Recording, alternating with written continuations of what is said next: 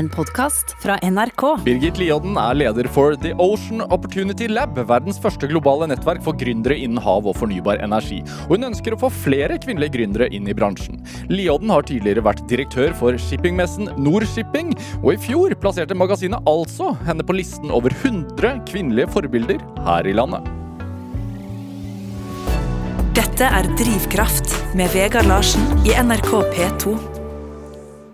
Birgit Lioden, velkommen til Drivkraft. Takk skal du ha. Så hyggelig å bli invitert. Hyggelig å ha deg her. Hvor- hvor- Hvordan har du det? Eh, akkurat nå så er jeg faktisk skikkelig, skikkelig sliten.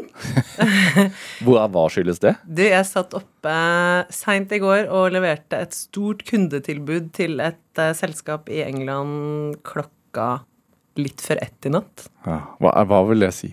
At du leverte et stort kundetilbud? Det er jo egentlig da at vi eh, Jeg driver et selskap som jeg driver og bygger opp, som eh, gjerne skal tjene litt penger. Ja. Og så kommer det iblant noen som har lyst til å se om vi kan gjøre noe for dem. Mm. Så da har vi laget et tilbud da på hva vi mener vi kan gjøre på en smart måte. Og hvor vi helst skal utkonkurrere noen ganske store, etablerte aktører som vanligvis ville gjort den jobben. Ja, og det, Dette er en vanlig ting som du driver med i The Ocean Opportunity Lab. Det stemmer. Ja. Hva, er det? Hva er en lab, egentlig? Ja, hva er det? Det er masse sånn Altså, det, det er sikkert ikke nyord, men det, de siste ti årene så har det kommet masse sånn hub-lab. Å ja, er du gæren. Jeg tenker jo hele det der oppstartsmiljøet er jo veldig prega av mye sånn hype og hipster og buzzord og masse rart. Så eh, tenker man jo ofte at lab, det handler jo noe om forskning. Ja, laboratorier, rett og Ikke slett. sant? Ja. Hos oss så handler lab, og da det som heter TOOL, The Ocean Opportunity Lab, mm.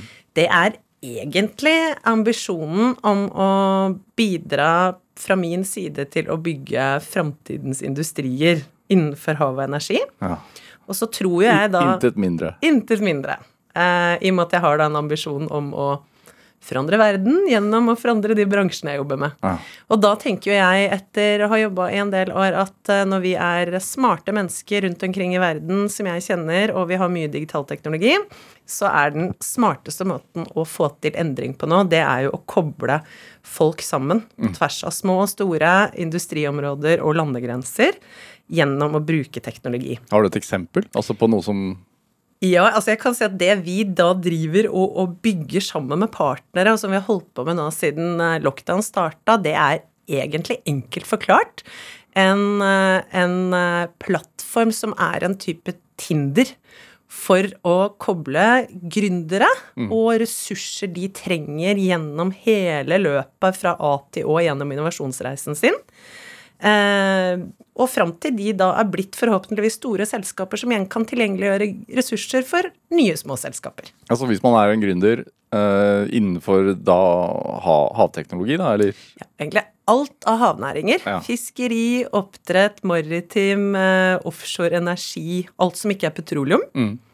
Eh, ja. Så kan man ta kontakt med dere, og så, og så hva skjer videre da? Det første vi har gjort, det er at sammen med Vi har nå partnere i overkant av 40 land rundt omkring i verden. Og sammen med de partnerne så har vi begynt å lage på en måte vår versjon av eh, et Google Map. Ja. Men hvor det Google-mappet det inneholder bare gründere og innovasjonsaktører innenfor våre bransjer. Og så eh, gjør vi en kartlegging av dem. Så vi får dem på kartet.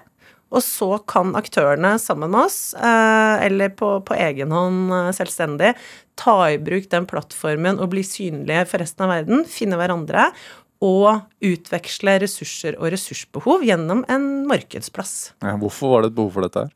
Det er fordi at eh, vi jobber jo i globale bransjer, og vi skal løse globale utfordringer.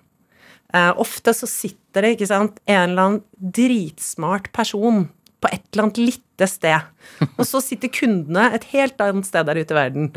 Og så må du kanskje teste løsningene og utvikle det sammen med mange andre som også kanskje kommer fra flere forskjellige bransjer, sitter i forskjellige regioner i Norge. Kan være utfordrende nok bare, bare det. Å å vite hvem sitter med hva akkurat nå. Men ofte så må du også ut.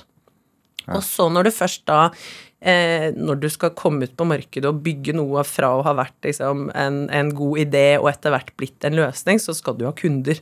Du skal kommersialisere, industrialisere, du skal få det her til å skalere og bli noe større hvis det skal ha noe reell effekt. ikke sant? Eh, og da er jo målet vårt at eh, du skal kunne eh, på en mye enklere måte finne ut hvem er det som er innenfor det du trenger rundt omkring, og hva trenger de, hvem er de? Altså ta ned de geografiske barrierene, men også eh, egentlig åpne opp eh, eh, gi transparens da, på et felt som ikke har hatt det, som handler egentlig bare om hvordan kan jeg finne ressurser jeg enten ønsker å tilby til noen, eller trenger, til riktig tid. Har du noen eksempel på en sånn suksesshistorie som har brukt dere og fått det til å funke? Ja, vi har akkurat levert ferdig et stort internasjonalt prosjekt nå med eh, noe som heter World Ocean Council, på oppdrag igjen da fra FNs internasjonale maritime organisasjon. Og der har de et stort, langsiktig prosjekt som handler om et litt sånn nerdete felt som går på groing på skip. Eller groing på skrog. Og det kan du se hvis du har et superbrett og lar det ligge på vannet, så begynner det å grote i. Mm. Og hvis du har en stor båt, så gror det masse. Alger og skjell? og- Ja, ja. Og det er tre problemer som er knytta til dette med groing. For det første så gjør det at når vi flytter ting i sjøen fra et sted til et annet, så tar vi med oss invaderende arter som kan forårsake at eh, økosystemene i havet kollapser. For det andre så har vi da komponenter i da det vi gjør for å forhindre groing på båndstoff og maling og alt dette her, som inneholder eh, giftstoffer og mikroplast. Det kommer ut i sjøen. Og for det tredje så er det sånn at hvis det har grodd noe Det kan jo de som har vært ute med båt eller har seila, liksom brukt vannet, Du vet at med en gang ting har grodd, så går ting saktere, det er mer motstand. Så det betyr også at du får mye større utslipp av drivstoff og forbruk av drivstoff. Så vi har nå kjørt verdens første konkurranse på plattformen vår, globalt, med, hvor vi har rekruttert juryen. Vi har satt opp hele ATÅ-løpet med konkurransen. Vi har kartlagt innovasjonsaktørene over hele verden som sitter med dette. Og så har vi rekruttert da deltakere til denne konkurransen. Og eh, siste ledd i eh, at blant de ti stykkene som nå er eh, plukket ut til å eh, komme liksom i finalen, da, de skal samles i Barcelona i midten av oktober Ja. under da noe som heter Sustainable Ocean Summit. Um, og da er det rett og slett sånn at vi, ja, da leverer vi internasjonalt, men ut fra en norskutviklet teknologiplattform med norske partnere. Kvinneledede selskaper, som jeg syns også er jo ekstra litt sånn nerdekult. og så kan vi gjøre en forskjell på et ganske stort problemområde, hvor det nå trenger masse løsninger. Dette er Drivkraft med Vegard Larsen i NRK P2. Og i dag er leder for The Ocean Opportunity Lab Birgit Liodden her hos meg i Drivkraft på NRK P2. Det der, dere eh, kommuniserer med masse gründere. Ja. Og Tool, eller The Ocean Opportunity Lab, er jo en gründervirksomhet, det også. Ja ja, det er det. og også ganske sånn i oppstartsfasen. Ish. Ja, ja, er du gæren. Vi er det. Vi har, eh, jeg starta det her selskapet i eh, ja, høst, tidlig høsten 2019. Vi hadde holdt på et halvt år da lockdown traff. Vi mista like mye inntjening som vi hadde tjent det første halvåret på en uke når samfunnet stengte ned. Ja. Så ja, vi er jo nye. Vi har akkurat nå holdt på å lande ferdig første runde med å få eksterne investorer inn i selskapet. Ja. Så ja, vi er, eh, vi er jo unge, men vi har kommet ekstremt langt på veldig lite ressurser og å jobbe smart nå gjennom disse årene. Mange drømmer jo om det, om å bli gründer. Eh, hvordan er en sånn gründerreise? Beintøft. Ja. Det er ikke noe, kjære mor. Jeg tror at det er, det er litt sånn interessant. Jeg føler at gründer, eh, er nå litt der hvor media var for noen år siden. Eh, at Det spørs hvor mange år siden. For Ja, jo. en, en gang i tiden så var mediebransjen ekstremt lukrativ. Jo, jo, ikke sant, men hvor det er sånn Jo, men ikke sant, hvor det er veldig mange unge som bare De vet ikke helt nødvendigvis hva det går ut på, men de tenker at å, dette er skikkelig kult. Ja. Sånn, de vil jobbe med noe i media, men nå vil de bli Det er ikke det at det kanskje kanskje nødvendigvis er masse penger i det, alt, men det er liksom mye bøss og mye greier rundt, og det virker bare skikkelig tøft. Og så tror jeg at um, Sånn som jeg har jo Jeg har jo vært i mange år i bransjen. Jeg har jobba siden jeg var 16 år, og har vært i maritim næring i 17 år nå, i en alder av 40. Uh, Så jeg er nok kanskje av den type type profilen gründere som ofte har best forutsetninger for å lykkes. At du kommer fra industrier, du har masse fartstøy, du har vært gjennom opp- og nedturer. Mm. Du vet hva det er å stå i stress og press og måtte kunne ganske mye om mange ting. Så det Også- hjelper å ha et sånt helhetlig perspektiv. Jeg tror det hjelper. altså Du må jo i prinsippet en periode så må du være din egen daglig leder og HR og legal og økonomi. Det er mye, mye ting du skal dekke. Du skal ha fokus utover for å, å koble på eh, kunder, partner osv., så videre, sånn at du faktisk bygger noe som er det de ønsker og trenger og er villig til å betale for. Og så må du jobbe innover og faktisk få til å rigge et team med ofte veldig lite ressurser som skal klare å være motiverte og jobbe sammen. Hos oss har vi rekruttert de fleste digitalt uten å møte dem gjennom lockdown. Det drar også på seg andre typer utfordringer. Sant? Så det er en reise. Det er der du skal jo du skal jo på en måte sette sammen et utrolig komplekst puslespill mm. med mye høyere ambisjoner enn det ressursene du har tilgjengelig til enhver tid, tilsvarer. Hvordan bygger du da et team uten ressurser?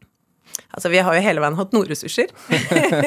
Der var jeg heldig, for jeg har, jeg har jobba mange år og spart og investert i aksjer og har på en måte vært veldig eh, nøye på at jeg har kontroll på å, å ha en god og robust økonomi.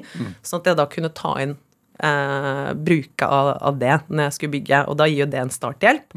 Så har vi noen fantastisk gode støtteordninger i Norge som går på innovasjonsutvikling. Innovasjon Norge og SkatteFUNN og Oslo har et eget opplegg, så vi har fått, måtte kunne fått eh, noe starthjelp underveis der, og kundeinntjening, som jeg tror mange undervurderer. Det å få inntekter tidlig og faktisk komme ut Egentlig begynne så fort du kan og jobbe med kundene før du har noe ferdig. Men var, altså hvor kom ideen til dette her eh, fra i det hele tatt?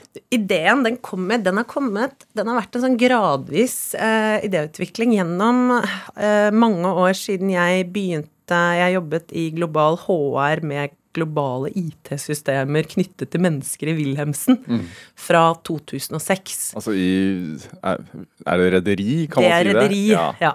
Will Wilhelmsen, som er jo et av verdens største på sine felt. Ja. Fantastisk bedrift med enormt gode verdier, ikke minst. Uh, og så uh, ble jeg dratt inn i noe som heter Youngship, som da var en bitte liten uh, lokal Oslo-Bergensbasert organisasjon for unge i bransjen, som var litt mer sånn pilsklubb-modus. ja, Som du var med å starte opp? Jeg var ikke med å starte. Nei. Nei, men jeg kom inn tidlig, og så tok jeg over i Oslo akkurat når finanskrisa traff.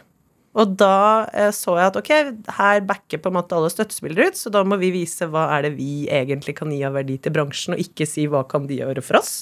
Så vi la en ny strategi for det, og så var, endte litt den etter hvert med at eh, etter noen år så hadde vi bygget opp da Youngship i Norge, og så sa jeg opp en global lederstilling i Wilhelmsen eh, for å starte Youngship internasjonalt. Så da bygget jeg jo da, eller vi, men jeg i LID, eh, den aller første internasjonale organisasjonen for unge i bransjen. Ja, fordi du fikk I 2012 så fikk du Du ble utropt til årets shippingnavn. Mm. Um, blant annet fordi du i en alder da 29 hadde markert deg som en talskvinne for den nye shippinggenerasjonen. Ja. Uh, hva, hva, hva, er den nye shippinggenerasjonen? Altså, hva, hvordan Det var jo de egentlig, liksom, de som var yngre inn da. Og jeg tror for enhver bransje, og særlig det, det tidene vi lever i nå, eh, for enhver bransje som skal gå gjennom stor endring, så er det ekstremt viktig å få med seg hvem er det som skal komme inn med nye ideer og energi og og utfordre hvordan vi gjør ting, og hvordan kobler vi dem med de som sitter med erfaring og makt osv. Hvordan bygger vi bro over generasjonsgapet? Hvordan vil du beskrive den, den forrige generasjonen i shipping? Altså, hva, hvordan vil man beskrive shipping i det hele tatt? Det er et, jeg tror mange som beskriver shipping litt sånn utenfra, og også hva jeg tenkte før jeg kom igjen selv, så tenkte jeg litt sånn lukket og konservativ og mye menn i dressmodus. Men den er jo ekstremt mye mer enn det. Så jeg vil si at den sittende generasjonen av eh, eiere, toppledere, folk som har vært lenge i bransjen, så er det ekstremt høy innovasjonsevne.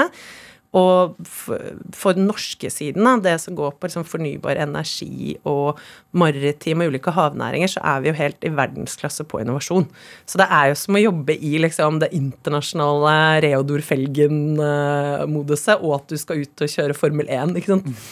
Så det er jo fantastisk fantastisk mye som skjer. Det er folk som er vant til å jobbe i opp- og nedturer. Det handler ofte mindre om hva du er rent formelt, men hva du får til. Det er jo på en måte jeg selv også bevis på at du får muligheter hvis du står på, bretter opp erma og, og jobber, da. Så er det viktigere enn mye av det derre tullet med mer sånn type byråkrati og posisjoner og ja. Men det er jo en uh, bransje med utfordringer. Masse. Ja. Og det er jo Jeg tenker akkurat de utfordringene for bransjen og de utfordringene som er nå for samfunnet, det er jo det som jeg syns er det mest spennende. Fordi at hvis du ser på da den og de bransjene som potensielle problemløsere for verden? Hvordan kan vi med basis i det vi har bygd opp gjennom mange generasjoner fra Norge, nå finne nye måter å løse samfunns- og verdensproblemer på? Det er jo noe som tenner meg. Og der har vi et helt fantastisk utgangspunkt hvis vi nå løper fort. Og da er jo mitt mål med TUL er jo at jeg bygger en systemendringsmotor som gjør at vi kan rett og slett få til det her smartere, fortere. Når du, når du da skal bygge et team, hvordan gjør, hva ser du etter? Eh, jeg må innrømme at jeg ser ikke typisk etter liksom, sånne toppstudenter, A-studenter. Jeg ser etter folk som helst har liksom ruglete fortid, som har noe gap i CV-en, som har vært ute en vinternatt, og som hvorfor det? Du, jeg tror at det er ganske personlig for meg, fordi at jeg har gjerne vært litt sånn outsideren eh, selv, og jeg har ikke en tradisjonell bakgrunn, sånn at eh, jeg tror på en måte mennesker som har måttet fikse ting med lite ressurser, eller som har vært utenfor, ute for større utfordringer enn de trodde de kunne klare å løse, det gjør noe med deg. Du får en sånn, nå heter det vel sånn trendmessig gritt, altså det er noe med en sånn stå-på-vilje og Eh, og, og på en måte bare si at ok, det, det fins ikke noe som er umulig her, men det handler bare om hvordan vi ser på det. Eh, det å ikke la seg stoppe så lett, kanskje. Eh, ikke, jeg, jeg vil helst ha færrest mulig sånne curlingunger inn i teamet, for det- de tror jeg må, de må vi nesten snart begynne å sende på sånn arbeidsleire rundt omkring. Curlingunger, hva er det for noe? det er jo alle disse ungene som vi norske voksne foreldre, men ikke Altså foreldre rundt i hele verden nå oppdrar unger som ikke kan klare seg selv. Mm. At vi, vi fluffer ungene våre, vi tar bort alle mulige motstandsopplevelser fra de er små. Så ender vi opp med barn som tåler mindre, som ikke er vant til å håndtere problemer, og vi har egentlig da gjort dem en enorm bjørnetjeneste. Som gjør at jeg tror eh, mange unge nå sliter altså mer i dag. Eh, fordi at hvis du har blitt 18-20 år, eller kanskje eldre, før du møter reell motgang eller en krise for første gang, og så skal du begynne derfra å jobbe med å lære å takle motgang og bygge mestring, hvordan skal du få til det? så jeg tror den, den Ja, jeg vil gjerne Jeg vil ha inn de som eh, har måttet liksom jobbe seg gjennom ting, og har måttet kjenne på liksom de både de gode og de vonde sidene i seg selv, og, og som har liksom Ja, gått gjennom noen prosesser og vokst som menneske, fått noen, skrip, noen riper og, og skrammer, og det er jo nettopp gjerne det jeg tenker er verdien da, i, i menneskene. Var det I utgangspunktet var det liksom gitt at du skulle holde på med maritim næring? Nei, nei, ikke i det hele tatt. Jeg hadde jo uh, Jeg kommer jo fra en familie som har vært veldig lite sånn sjøglad. Det har vel egentlig stort sett bare, bare meg. Uh, og jeg skulle jo egentlig bli hestekiropraktor, fant jeg ut veldig tidlig. Jeg begynte å jobbe på Øvrevoll da jeg var ni, med galopphester, og har vært alltid veldig glad i dyr og natur. Så det var liksom naturlige veien å gå for meg, eh, tenkte jeg, da. Ja, Jeg skulle i hvert fall ikke sitte på kontor. men hva, ikke en sjøglad familie? Hva, hva var familien din opptatt av? Nei, altså, eh, familien min har eh, vært på fjellet på familiestøl i alle år eh, mens jeg vokste opp. Da var liksom ett sted i alt å dra, enten det var sommer eller vinter eller vår, så var det på hytta på Golsfjellet. Mm. og begge, begge sider av min familie Jeg kommer fra liksom gårdbruker- og skogbrukerslekt. Så det er liksom ikke noe Det er mer innlandsmodus. Ja. Og, og hvem var du oppi dette her, da? Eh, nei, jeg er jo da eldst av fire. Ja. Eh, vokste opp med en, eh, en familie som da drev bilverksted og hadde noe eiendomsvirksomhet, eh, hvor besteforeldrene mine var gründere sammen. Ja. Bygget opp eh, virksomhet i Oslo etter å ha kommet til byen etter krigen. Eh, veldig nøysomme, hardtarbeidende, aldri snakk om å bruke penger på noe. Og vi hadde, opplevde jeg, at vi hadde dårlig råd når jeg vokste opp. Vi var fire barn, mamma var hjemme, pappa jobba hele tiden. Han skulle helst ikke tjene noe særlig, fordi det var jo familiens bedrifter. Eh, sånn at eh, jeg har jo vokst opp egentlig mye eh, på verksted og med å ta mye ansvar for mindre søsken. Men det er også å- i en familie hvor man har startet noe på egen hånd, da. Ja, eller altså, vi var jo da Pappa er jo liksom andre generasjon, og egentlig en sånn motvillig overtaker. Han hadde lyst til å bli noe helt annet. Han måtte, han måtte velge både utdanning og arbeidssted eh, etter hva som var best for familien, ikke hva han ønska seg. Eh, så, men ja. Eh, veldig sånn familiebedriftsmodus. Var du skoleflink?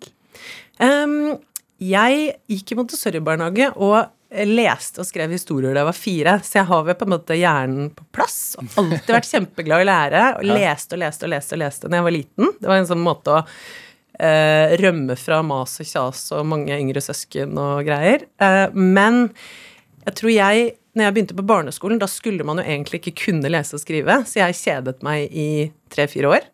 Eh, og lærte jo ikke da egentlig å, å på en måte eh, få noe god struktur på å pugge og lære nye ting. Eh, og så ble jeg liksom gradvis litt og litt mer lei, og på ungdomsskolen så hata jeg å gå på skolen. Jeg passa ikke inn, jeg var minst mulig på skolen. Så jeg var helst i stallen. Eh, skulka mer og mer, var en eh, tror jeg, ganske sånn ufyselig ungdom overfor lærere. Type bak, bakrekka ved vinduet-modus. og trivdes ikke Nei, i den A4-modellen. Jeg, jeg, jeg fant ikke motivasjon i den måten å lære på som var på den uh, skolen jeg gikk på. Og de fleste vennene mine hadde kommet inn på naboskolen. Så jeg var egentlig keen på å være minst mulig på skolen. Og jeg hadde gode karakterer opprinnelig, men de bare raste etter hvert som liksom motivasjonen sank og frustrasjonen økte. Hva sa de hjemme da? da? Det var, um, det var en periode hvor um, I den perioden før jeg begynte på ungdomsskolen, så solgte familien min verksted. Og så gikk pappa rett inn i en kjempekrise. Hvor han da var veldig tungt deprimert i tro Det må være fire år eller noe. Så i den perioden hvor jeg gikk på ungdomsskolen, så var det egentlig ingen jevne som sa noen ting. Fordi de hadde ikke kapasitet til å verken følge med om jeg var på skolen, om jeg gjorde lekser, om jeg kom hjem om natta. Så da var det mer eh, selvoppdragelse, for å være helt ærlig. Er det også derfor at du har tenkt, altså tenker det at du ønsker å rekruttere folk som faktisk ikke har en perfekt CV? Yes, absolutt. Ja. Og så tror jeg det er, det er nok av de der ute som, som eh, slåss om å finne på en måte de sånn tilsynelatende beste som er liksom super eh, Hvor liksom hele A4-pakka er på plass. De, de trenger ikke jeg å slåss om, liksom. Men jeg har jo mye mer lyst til å bidra til å gi muligheter til flinke folk og talenter som kanskje blir oversett av andre. ja. Slutta du skolen? Ja, det gjorde jeg. Jeg slutta og begynte å jobbe på gård da jeg var 16. Eh, og så flytta jeg hjemmefra rett etter det. Ja. Så hva lærer man da? Du, det jeg lærte, var jo egentlig at eh, Ja, hvordan forsørger du deg selv på 10 000 i måneden før skatt? Når du bor i Bærum og skal dekke alle utgifter. Eh, det tror jeg er en ganske nyttig læring. Gjør, hva, hvordan gjør man det? Nei, det er jo bare å stramme inn, det. Bruke penger bare på det man må. Være flink til å spare. Jeg har alltid spart, uansett hvor, måte, hvor lite eller mye jeg har tjent. Ja. Og så lærte nok jeg en annen del som var veldig, veldig fin, fordi jeg eh, eh, begynte å jobbe på en gård som var drevet veldig sånn på gamlemåten. Jeg holdt på med da hest og kjøre traktor og hesje, liksom. Eh, og eh, jeg bodde da sammen med min da første sånne ordentlige kjæreste og samboer, så bodde vi i et ombygd, uisolert tømmerhus fra 1700-tallet som ikke hadde innlagt vann. På den gården. Ja, Hvem var det som tok deg imot der? Hvem, det var da, eh, det var da eh, han som forpakta drev gården, da, som trengte hjelp på gården. Billig arbeidskraft. ja. Eh, Og jeg tok den. Så men da hadde jeg ridd i den stallen der en stund først, og så fikk jeg det tilbudet om å begynne å jobbe der. Hvor mye trygghet er hest? Å, det har vært enormt mye trygghet for meg. Det tror jeg har vært litt sånn at ofte så tror jeg eh, barn og ungdommer trenger gjerne sånn et eller annet et eller annet formål for ikke drive ut i alt mulig, og trenger gjerne at noen ser dem. Og for meg så var stallen det fra veldig tidlig. Ja. Så jeg har vel egentlig Fra jeg var ni, så tilbrakte jeg vel mer tid i stallen enn hjemme hos familien. Hadde du din, din hest? Etter hvert. Eh, først var jeg bare stalljente, og så sparte jeg opp til jeg kunne kjøpe meg inn i andel, og så etter hvert kjøpe ut eh, en avdanka, holdt jeg på å si, ubrukelig gammel eh, galopphest. Ja, men hva er det som trigger det? Hva er det som, får, eh, altså, hva er det som bygger hesteinteresse når du er ni år allerede? Som gjør at man liksom går dit dag ut og inn og, og Jeg, jeg tror nok hos meg så var nok jeg sikkert veldig sånn på søken etter trygghet og nærhet og en sånn vet ikke, stabilitet og, og den, ja, en sånn tilhørighet. Som du ikke hadde hjemme? Ja, jeg tror det. Um, jeg, um, jeg, har, jeg har jo vokst opp med to litt sånn ikke nødvendigvis veldig fungerende foreldre. Som kanskje hadde veldig nok med sine ting. uh, og litt for mange barn. I forhold til hva de hadde kapasitet til å egentlig klare å håndtere. Ja. Uh, og mye kaos. Mye Altså et litt sånn Et ganske veldig åpent, men litt dysfunksjonelt hjem. Ja. med en del eh, Ja, mye um, En del tøffe runder. Ja. Uh, og jeg tror for min del så var det kom nok den veldig tidlig, det der behovet for å søke ut og, og finne noe som var litt sånn mitt, som var trygt og rolig, og hvor jeg på en måte bare kunne holdt jeg på å si, uh, ja, både ha trygghet, men også ha ha liksom mitt eget space. Det er gjort undersøkelser på det som viser at, at eh, barn som, som får et tett forhold til hest og, og et ansvar for hest, blir, blir gode ledere. Jeg vet ikke, jeg skal ikke si at jeg er god leder. Jeg, det føler jeg er noe jeg jobber med hver dag og hver uke, det å bli bedre. Fordi jeg føler stadig, på samme måte som det å være mamma eller kjæreste eller leder, så føler jeg at stadig så kommer jeg opp i nye situasjoner hvor jeg på en måte ikke strekker til, og hvor jeg trenger å lære mer og finne nye måter å takle ting på. Men, men det er klart at du blir jo Du eh, når du holder på med hester, så må du ta mye ansvar, du må være tydelig, du må Det er liksom en del ting du bare må fikse, og du, du kan ikke liksom bare droppe å gå i stallen når du har morgenskift i helgen fordi du bare Uff, det var litt slitsomt. Da du vet liksom at du har noen dyreliv der som avhenger av at du gjør det du skal, da. Hva, var, Det tror jeg er bra. hva tenkte du om livet da, og retningen som 16-åring? Nei, da var det jo egentlig da at jeg skulle jobbe, jobbe på den eh, gården, og da hadde jeg liksom endelig kommet meg ut hjemmefra og kunne liksom igjen da få, få space eh, til å Jeg tror nok når jeg, når jeg flyttet, så handlet det mye om da hadde moren min truet med å kaste meg ut i flere år.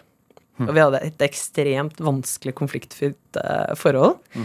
Eh, og da kjente jeg at hvis jeg skulle hjelpe søsknene mine og kunne hjelpe familien min videre, så måtte jeg være utenfor det. Jeg måtte liksom finne ro og stabilitet, og jeg måtte liksom ut av noe som var veldig destruktivt. Hvorfor er det viktig for deg å prate om dette? Eh, Jeg har opplevd for min del at det å være åpen om, om veldig sånn nære ting, det er en viktig del av det å håndtere det. Fordi det er så mye fasade der ute, og jeg tror at det, desto mer ting man ikke normaliserer gjennom å prate om det, desto større sånne vegger og siloer bygger vi mellom hverandre. Og det der å Altså, de fleste menneskelige følelser og reaksjoner er jo noe som man kan kjenne seg igjen i hvis man først bare åpner opp, på godt og vondt. Uh, og jeg tror at mange ute i samfunnet, i alle mulige aldersgrupper, sliter mer enn de hadde trengt fordi at de på en måte skal tviholde på å måtte ha en eller annen ytre fasade. Mm. Uh, enten det handler om hva de er hjemme ved på jobb, eller bare men menneske eh, Altså styrker, utfordringer ved personligheten din, opplevelser du har med deg, osv. Jeg tror at eh, hvis du prøver å lage sånne kunstige skiller som gjør at du må på en måte begrense deg, holde igjen, så tror jeg det gjør noe med oss. At det stresser oss og gjør at ting blir sittende fast mer. Og så er det også med at jeg, tror det gjør at vi føler oss mer ensomme som mennesker. Så jeg tror at det, desto mer vi deler, ikke av det som er sånne eh, perfekte SoMe-poster og det som er fasaden, desto mer vi klarer å dele det som skjer i oss på innsiden, hvordan vi opplever livet på godt og vondt, så tror jeg at det er jo noe vi trenger som mennesker fordi vi er flokkdyr. Vi trenger nærhet. Vi, vi, vi har veldig vi har veldig dårlig av å føle oss ensomme alene. For det betyr jo sånn i biologien så betyr jo det å være et flokkdyr som er alene, at du er sårbar, du er eksponert for å dø. Så vi er jo flokkdyr, men vi har jo laget samfunn som skaper ensomhet, utenforskap, annerledeshet. Og jeg tror at hvis vi skal ha det bra som individer og som storsamfunn, så tror jeg at vi må åpne. Og vi må bygge tilbake den broen mellom hvem er det vi er på dypet. Hvor det er mørkest og tyngst noen ganger, men hvor vi også kanskje gjennom det å kjenne at de tingene jeg syns er vanskelig, det som er vondt, det som jeg går gjennom nå Mange andre som har gått gjennom det. Og det her er helt menneskelige følelser. Bare la det liksom, akseptere det, stå i det, ta det imot, del det, og så blir det enklere, da. Det slipper litt når vi slipper opp selv. Det tror jeg du har helt rett i. Eh, Birgit Lioden, vi skal spille litt musikk. Ja. Eh, spesiell låt for deg? Det er en spesiell låt. Det er min gamle bestevenninne fra vi gikk i første klasse på barneskolen, som har skrevet denne låten. Og den låten, den handler om da min, min samboer, som jeg da bodde sammen med i syv år på denne gården, eh, han tok livet av seg som 25-åring. Da var min venninne og studerte i England, og jeg trodde ikke at hun så hva jeg gikk gjennom, eller forsto meg. Jeg følte hun trakk seg unna. Og så mange år senere, i 2018, så skulle jeg gå om bord på et fly til Canada på bursdagen min, og fikk denne låta i bursdagsgave. Og den handler jo egentlig om hvordan hun hadde sett meg. Ja.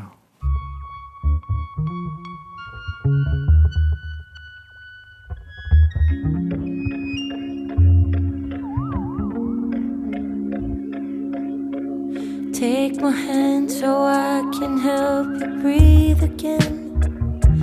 Give you oxygen to breathe. And lift your spirit with balloons so you can feel again and believe. The first deep breath you take when you sit up wide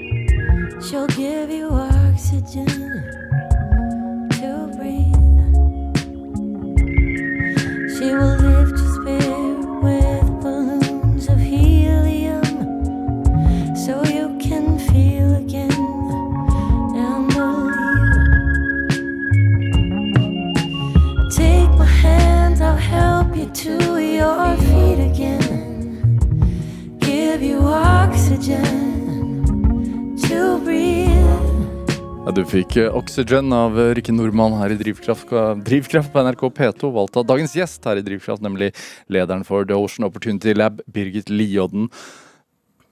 Er det lenge siden du har hørt den? Ja, nå er det en god stund siden, så nå kjente jeg tårene bare rant. Ja. Er det?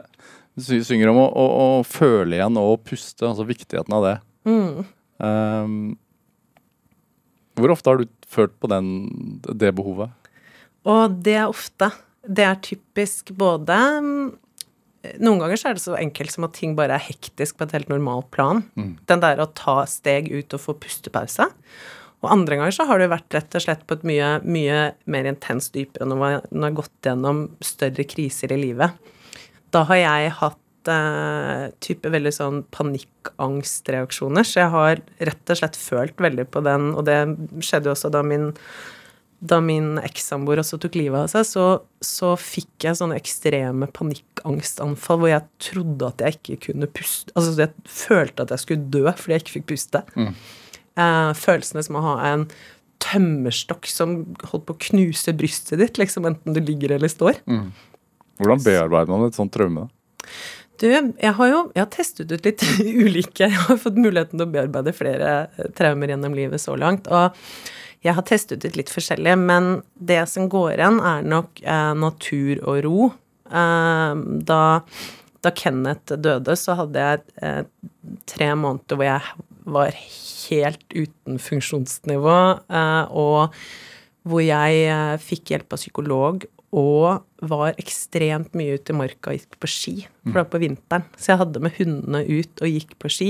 Først korte turer, lenger og lenger, og bare der å forsvinne inn i ro og stillhet og natur, egentlig. Hvorfor er det helbredende? Jeg tror jo, det har du jo forskning på etter hvert, at natur er veldig bra for oss. Ja. Eh, Jeg, jeg tror at for oss mennesker så er det fort at vi blir veldig dratt inn i våre egne mikrokriser og, og liv. Uh, og alt blir veldig sånn navlebeskuende. Mens når vi kommer ut i naturen, så føler jeg i hvert fall, enten det er i skogen, på fjellet, eller da mitt sånn favorittelement som er sjøen, så tror jeg for meg i hvert fall at det er noe med følelsen at alt er så robust og bestandig. Det er der før du kommer inn i verden, det er der etter at du forsvinner. Det er en annen energi. Det er liksom Du kommer tilbake og, og på en måte eh, Du finner tilbake til rota di, da. Det tror jeg er viktig. At vi ofte blir litt sånn dratt opp og ut i alle mulige retninger, og jeg tror vi trenger jording. Ja. Hva, hva er viktig å tenke når man står i noe sånt? Altså hvilket mindset, altså for å ikke gå ned i, i, inn i depresjonen selv? Jeg tror jo, eh, og dette er jo bare på si, basert på min side, jeg har ofte følt at jeg har på en måte fått det beste av pappa sin diagnose. At jeg har fått ekstrem, en ekstrem kapasitet, men jeg har ikke Hvilken diagnose var det? Han var bipolar. Ja. Jeg har ikke hatt den samme Jeg har ikke hatt den samme dreiningen mot å gå inn i liksom dype depresjoner selv om jeg har tunge sorgprosesser og ting å gå gjennom. Ja. Um, mm, med unntak av, tror jeg det var sånn rundt uh, rundt 18.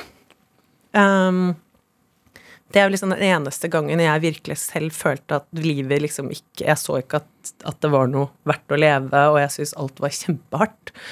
Mens i alle på en måte kriser eller ting jeg har vært gjennom etter det, så har jeg hele veien sett at livet er veldig fint, men nå er det tøft.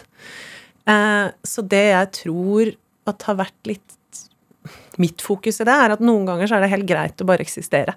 Noen ganger så er det eneste du trenger å gjøre, det er faktisk å spise og puste og sove, og det er greit. Du trenger ikke å være noe for noen. Du trenger ikke få til noe. Du er ikke en på en måte ressurs, men det er viktig at du bare er. Eh, og selv om ikke du vet hvordan, så kommer det på et eller annet eh, magisk vis til å Altså, det kommer til å løse seg igjen. Du kommer ut av det. Du vet ikke hvordan. Noen ganger så må du liksom bare stole på universet og kjenne at ok, eh, bruk mennesker man har rundt seg, snakk om det, vær åpen. Eh, og bruk naturen, og pass på å få bare Få noen rutiner.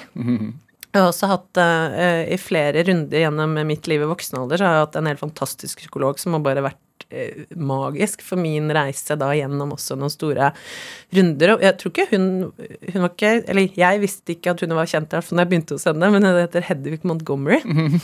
Og er altså åh, Hun har jo vært min sånne virkelig redningsplanke også, også seinere i en periode hvor jeg var utbrent, med bare veldig sånn veldig sånn pragmatisk tilnærming til bare hva er det du kan klare å ha fokus på nå? Ikke kanskje nødvendigvis problematisere for mye bakover, men bare se ok, hva, nå står du her.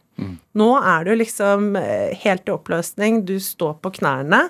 Ok, hvordan kommer vi til neste steg? Sakte, sakte, steg for steg. Små ting. ikke sant? Det med å bli utbrent, som jo også er en slags folkesykdom nesten. Hvorfor er det sånn at man At vi presser oss sånn til det i dag? Um, jeg tror det handler om flere ting. Vi har jo bygd et samfunn som ikke er så Som ikke er så menneskelig, egentlig. På mange måter. Vi, vi nå lever vi jo i en, eh, et sånn industrialisert samfunn, og vi er på vei inn i nye tider, men vi har egentlig ikke bygd om systemene våre og hvordan vi ruster og rigger eh, menneskeprosessen i det. Og det tror jeg vi må, det må vi gjøre noe med ganske raskt. Men jeg tror at det her handler jo hele tiden om at vi blir jo Vi ser jo på oss selv som en, da, en, på en måte en ressurs som hele tiden skal levere noe. Jeg har kanskje glemt litt verdien av liksom bare natur, menneske, den her Altså, kloden kommer jo til å leve lenge etter oss. Vi er her en liten stund nå, men vi, vi, vi driver på en måte og overopphøyer oss, og vi skal hele tiden holdt jeg på å si, utnytte, utnytte, kjøre på mer effektivt, fortere og fortere og fortere, ikke sant? Og det er jo på en måte menneskets eh, eh, Det er jo det som er det mest fantastiske med mennesker. Men jeg tenker at det er på en måte også litt menneskehetens forbannelse. Men den konkurransen mot andre eller mot seg selv for å lykkes enda bedre, for å stige i hierarkiet, eh, har du kjent på den? Jeg har jo egentlig aldri vært opptatt av å stige i hierarkiet, fordi jeg har jo nådd eh, mye, mye lenger enn jeg noen gang hadde trodd. Jeg hadde fornø vært fornøyd med å være sekretær, jeg. Da, eh, det var på en måte min sånn første kontordrøm etter at jeg, jeg hadde gitt opp hestedrømmen.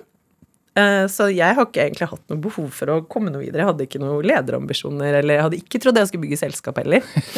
Eh, Så det er mange ting som har mer sånn overrasket meg, at jeg har fått muligheten til å gjøre. Men jeg tror det som har ligget hos meg, har nok vært mer at jeg har hatt Jeg har brent enormt mye. Så det er to sider av det. Noen så går det kanskje på en sånn langtidsplanlegging, at du har satt noen mål, og du må nå de for Altså Kanskje det handler om å please familien, deg selv, det å konkurrere mot andre. Hos meg så har det nok gått mer på den der indre drivkraften. At fordi jeg har opplevd å miste noen mennesker jeg har vært veldig glad i tidlig, så har det gjort noe med meg i at jeg ser at livet er så ekstremt verdifullt. Og det er også viktig for meg, på en måte litt også for å på en måte, jeg vet ikke, hedre, eller liksom Det å liksom komme videre fra tap, da, hvor jeg Det gir meg noe ekstra når jeg bygger og gjør noe meningsfylt som kan ha en større forskjell. Ja, for Da det, føler jeg at livet mitt har en, en viktig verdi, og det er jo på en måte Det er nok min måte å være takknemlig for at jeg lever. Ja, jeg er takknemlig for at jeg lever, fordi jeg vet at det er så sårbart. Det er mange, for mange som dør tidlig. hvordan kjenner man at noe er meningsfylt? Ja, hos meg så Jeg har alltid brent veldig for miljø, og jeg har alltid brent veldig for rettferdighet. Eh, og egentlig dette med at jeg syns jo at eh, verden burde være best mulig for flest mulig, ikke bare for noen få. Og det har jo styrt meg lenge før jeg begynte å jobbe mot det som maritime hav. Men det er nok det jeg lever etter, og det er det jeg er veldig sånn grunnleggende opptatt av. Sånn at for meg har jo da det vært viktig hvor enn jeg er, så har jeg jo nok søkt det å finne ut hvordan er det jeg leverer på det som er liksom min mission, da. Ja. Hvorfor? Men hest var jo best en periode. Hva skjedde? Eh, Jeg hadde en rideulykke hvor jeg eh, falt av, ble hengende fast under hesten min eh, og fikk noen smeller. Og da ble jeg Da måtte jeg være på bakken en stund etter det, og så ble jeg veldig redd. Og i tillegg så hadde jeg ganske mye vondt, så jeg så at det der å skulle være hestekiropraktor og sånn, det var kanskje ikke helt eh, eh, greia for meg. Og så fant de jo ut også at jeg er sånn hypermobil. Ja. Sånn at jeg har jo litt mer tendens kanskje for at det er når du først får noen skader, så kanskje det setter seg litt eh, heftigere. Eh, sånn at jeg måtte jo tenke, tenke nytt, og egentlig sto liksom på bar bakke hva i all verden skal jeg gjøre nå? For dette er det jeg identifiserte meg med, dette er det jeg, dette er det jeg skal bruke livet på. Og da måtte jeg jo egentlig nullstille meg, da. Eh, I en alder av da eh, litt før 18, liksom. Ja. Så måtte jeg begynne å se ok, hva annet kan jeg gjøre. Jeg hoppet av skolen. Eh, før jeg begynner å gå på skole igjen, så tror jeg at jeg skal prøve å finne ut av hva er det jeg kan egne meg til. Så jeg meldte meg Tok litt sånn ymse jobber som du kan få når du er under 18 og uten videregående. Som er type sånn jobber hvor folk stort sett behandler deg ganske som dritt. og så ville jeg da teste ut hva slags type egenskaper, hva slags type settinger er det jeg trives i, og så ledet det meg da inn i at jeg eh, meldte meg inn i vikarbyrå. ToppTemp. Eh, I dag er jo kanskje 2000 eller noe sånt. Eh, og, og fikk eh, egentlig masse forskjellige jobber som bare sånn eh, innringingsvikar på ditt og datt. Uh, og da tenkte jeg at ah, dette er en kjempefin altså veldig fin måte å bare teste ut uh, masse forskjellige typer miljøer, forskjellige typer jobber, se hva er det som treffer meg. Så tenkte jeg jo egentlig at ut fra det så skulle jeg jo velge noe å studere videre, da, eller ta mer skole. Er det den derre å møte den Du har ikke noe utdanning, du har ikke gått i der, det, det faste løpet, og derfor så er du liksom mindre verdt, da, på en måte. Å få, den følelsen. Er det Er du konkurransedrevet også?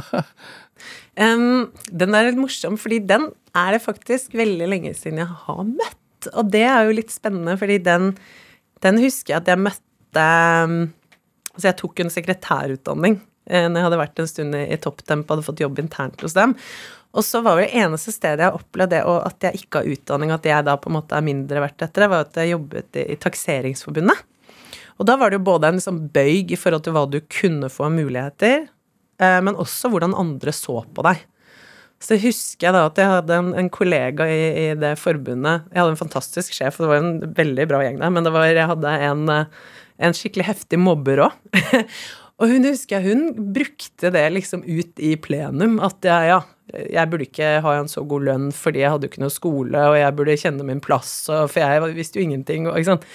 Men i shipping aldri. Nei. Tvert imot så har det vært sånn at eh, jeg har kommet inn, jeg har fått mulighet til å teste meg ut på nye typer oppgaver, jeg har fått vist hva jeg kan levere, fått nye muligheter, vokst videre, hatt folk hele veien på ulike nivåer som har eh, som har sett meg utover det liksom rollen min burde tilsi, men mer eh, sett meg som et menneske og eh, et potensial. Og så har jeg vært så heldig at jeg har møtt så mange av dem på liksom min reise. Hele tiden at det har vært noen som har åpna en dør, giddet å ta seg bryet. Du var- ble jo etter hvert også direktør, altså den første kvinnelige direktøren noensinne for en shippingmesse, altså en svær shippingmesse, Ja. stemmer ikke det? Ja, for, for. Nordshipping. Eh, møtte du på noe sånt da? Altså, du er bare kvinne? Eh, ja, da kom Jo, da, kom, da kom nok litt tilbake. Da hadde jeg nok vært heia på i mange år, fordi jeg var liksom den unge representanten, og liksom det er lett at mange av de som sitter i seniornivået, er liksom Ja, vi, vi backer de unge, og da, da, da. Men plutselig vet du, så kommer jeg inn på guttas Nå da sitter jeg gutta litt i gåseøynene, men plutselig så kommer jeg inn på deres banehalvdel. Det var det nok noen som hadde litt problemer med. Og da var det nok litt den kombinasjonen da, Jeg tror ikke det var noe på kvinne, noe på alder. Eh, at jeg er åpen sosialist. Eh, at jeg ikke hadde utdanning. Kanskje det var det som var verst. Jeg hadde jo egentlig en sånn veldig atypisk profil, så jeg kom jo inn som en litt sånn opprørsk rebell og skulle endre innenfra. Mm. Og det hadde jeg gjort i mange år. Men jeg tror at det jeg har lært av det, at man, må, man skal vite godt at, at det man kommer inn i, er klart for en endringsagent. Mm. For det er jo typisk en, en type rolle hvor det er mange som brenner seg ut. Hva ser du etter, da? Altså når du skal rekruttere? Åh, jeg ser etter eh, mennesker som eh, er løsningsorienterte, og som ser potensial i ting, som er nysgjerrige, som liker å lære, eh, som er eh, ydmyke, men tøffe, hvis du skjønner. Ja. Eh, jeg ser etter eh, Jeg ser etter mennesker som har andre verdier enn de rent materielle, som styres mer på det innvendige. Tror du på sånne personlighetstester? varierende. Jo, det er masse spennende der ute, men de kan jo si, Du kan jo alltid manipulere tester, så okay. Har du tatt sånne? Ja, ja, massevis. Jeg var jo prøveklut på personlighetstester da jeg var på HR i Wilhelmsen. For det var type hver gang man skulle gjennom en eller annen ny som man kanskje skulle bruke, så testa jeg det. Så jeg si, jeg har jo kjent Det har vært veldig spennende og kult, det, men så tror jeg også det er noe man kanskje mister da, gjennom all den standardiseringen av rekrutteringsprosesser og, prosesser og finne talenter og testing og sånn, som handler kanskje om det er noen deler i oss mennesker som kanskje er vanskeligere å måle, og så ligger noe som er litt dypere, som går på kanskje ja, dypere verdier, instinkter, ting som du på en måte kanskje må komme tettere på for å plukke opp. Det der med, med bærekraft og sånn som du, som du nevnte at du er opptatt av. Hvor bærekraftig lever du selv? Nå tror jeg at jeg lever mye mer eh, Eller det er to nivåer, da, for det går på miljømessig bærekraft vs det menneskelige. Jeg vet at når jeg var i, i Nordshipping som småbarnsmamma til to og sleit på hjemmebane og på jobb og alt, da levde jeg ikke bærekraftig menneskelig. Ikke sant? Og det er viktig, fordi at hvis vi skal få til klimamessig bærekraft, så må vi også endre måten vi tenker rundt mennesker. Hvordan skal et menneske kunne vare som ressurs gjennom et lengst mulig liv på en liksom en, på en robust måte hvor du kan holde lenge og få lov til å bruke deg gjennom alle faser, det er jo bærekraft for meg. Hvordan kan alle finne sin rolle i det? At ikke vi nå fokuserer på miljø, og så dytter vi mange utenfor. Sånn at de får et verre liv. Begynne der, kanskje, i stedet? Der må vi begynne. Og så hvis du spør om det som går på mer sånn miljømessig bærekraft Det er jo klart jeg har reist og jobba internasjonalt i mange år. Det er ikke bærekraftig for flybiten. Men på et annet tidspunkt så har jeg jo vokst opp og hatt veldig dårlig råd fra jeg var eh, ganske ung, så jeg har jo vokst opp med å tjene penger til mine egne klær og forsørge meg selv fra Altså, jeg, jeg begynte å kjøpe egne klær når jeg fortsatt gikk på barneskolen. Og jeg vokste opp da med Uff og loppemarked og Fretex lenge før det var noe kult. Eh, og det har jeg beholdt. Jeg har fortsatt kjøpt én veske over 1000 kroner i mitt liv. Og jeg kjøper stort sett alt til meg og barna, hus og hjem og det vi trenger brukt fortsatt, som et prinsipp. Så barna mine, de kjøper brukte jule- og bursdagsgaver til hverandre. De får veldig sjelden noe som er helt nytt. Og så har vi i vår familie, eh, så har vi, eh, jeg, vi, gjort masse eksperimenter som familie og meg som enkeltperson, oss som fellesskap, på det å teste ut hvordan er det hvis jeg skal gå ut og pushe andre og inspirere andre til å endre. Hvordan kan jeg faktisk ta den endringen inn mest mulig radikalt, Ja. og eksperimentere på meg selv og livet mitt og familien min? Hva gjør man da, da? Ja, da er det mye, mye rart. Vi har jo hatt en del år eh, eh, fram til eh, den kaia ble fjerna, hvor vi har bodd mye av året på husbåt. Eh, på liten plass, og med liksom eh, å leve mer på ja, liten plass uten TV, minst mulig ressursbruk, vannbruk osv. Eh, og så har jeg hatt Nå er jeg på år nummer to av å skulle bare ha sykkel, elsykkel, som liksom hverdagsframkomstmiddel. Det gjorde jeg også et år eh, det året jeg starta firmaet mitt.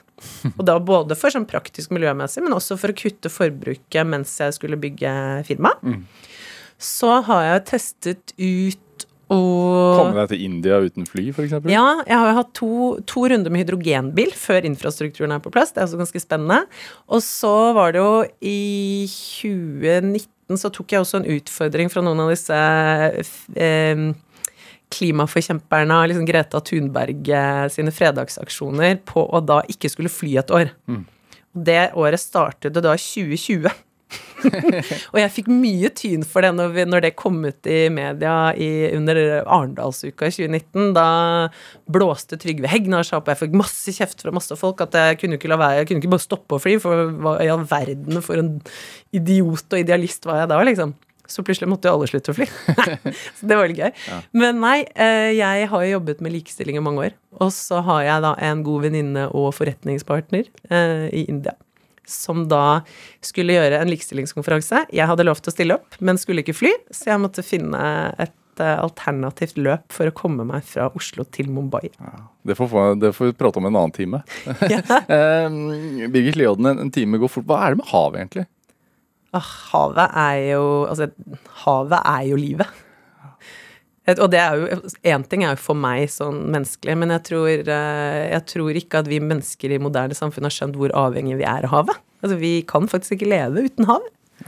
Så Og så representerer jo havet for meg dette med altså så mye kraft, så mye muligheter, eh, eventyr, utforsking. Ja. Ja. Vi har akkurat begynt å utforske det på, på en måte. Ja, ja. Det er kjempespennende. Og så håper jeg at når vi skal utforske havet og finne ut hva slags ressurser og løsninger som vi skal ta ut av det, at vi gjør det på en måte som gjør at vi kan sikre at vi ikke utarmer det, sånn som vi har gjort på landjorda. Hva tenker du er drivkraften din, da? Min drivkraft? Ja. Nei, det er jo faktisk å, å bruke meg selv til å forandre verden mer enn det skulle være mulig å gjøre som en enkeltperson. Intet mindre. Det er flott drivkraft. Eh, Birgit Leonen, tusen, tusen takk for at du kom hit. Takk. Hør eh, flere samtaler i Drivkraft på nrk.no eller i appen NRK Radio. Send oss gjerne ris og ros og tips til mennesker du mener har drivkraft. Send en e-posten til drivkraft krøllalfa nrk.no. Vi hører veldig gjerne fra deg. Produsent og researcher i dag var Ellen Foss Sørensen. Dette, dette var Drivkraft. Jeg heter Vega Larsen. Vi høres. En podkast fra NRK. Egil, Roger, Olsen.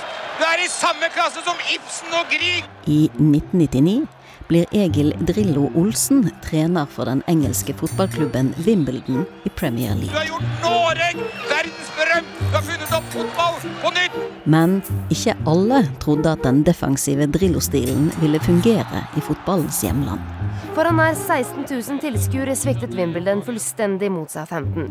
Wimbledon, en norsk fotballtragedie, hører du først i appen NRK Radio.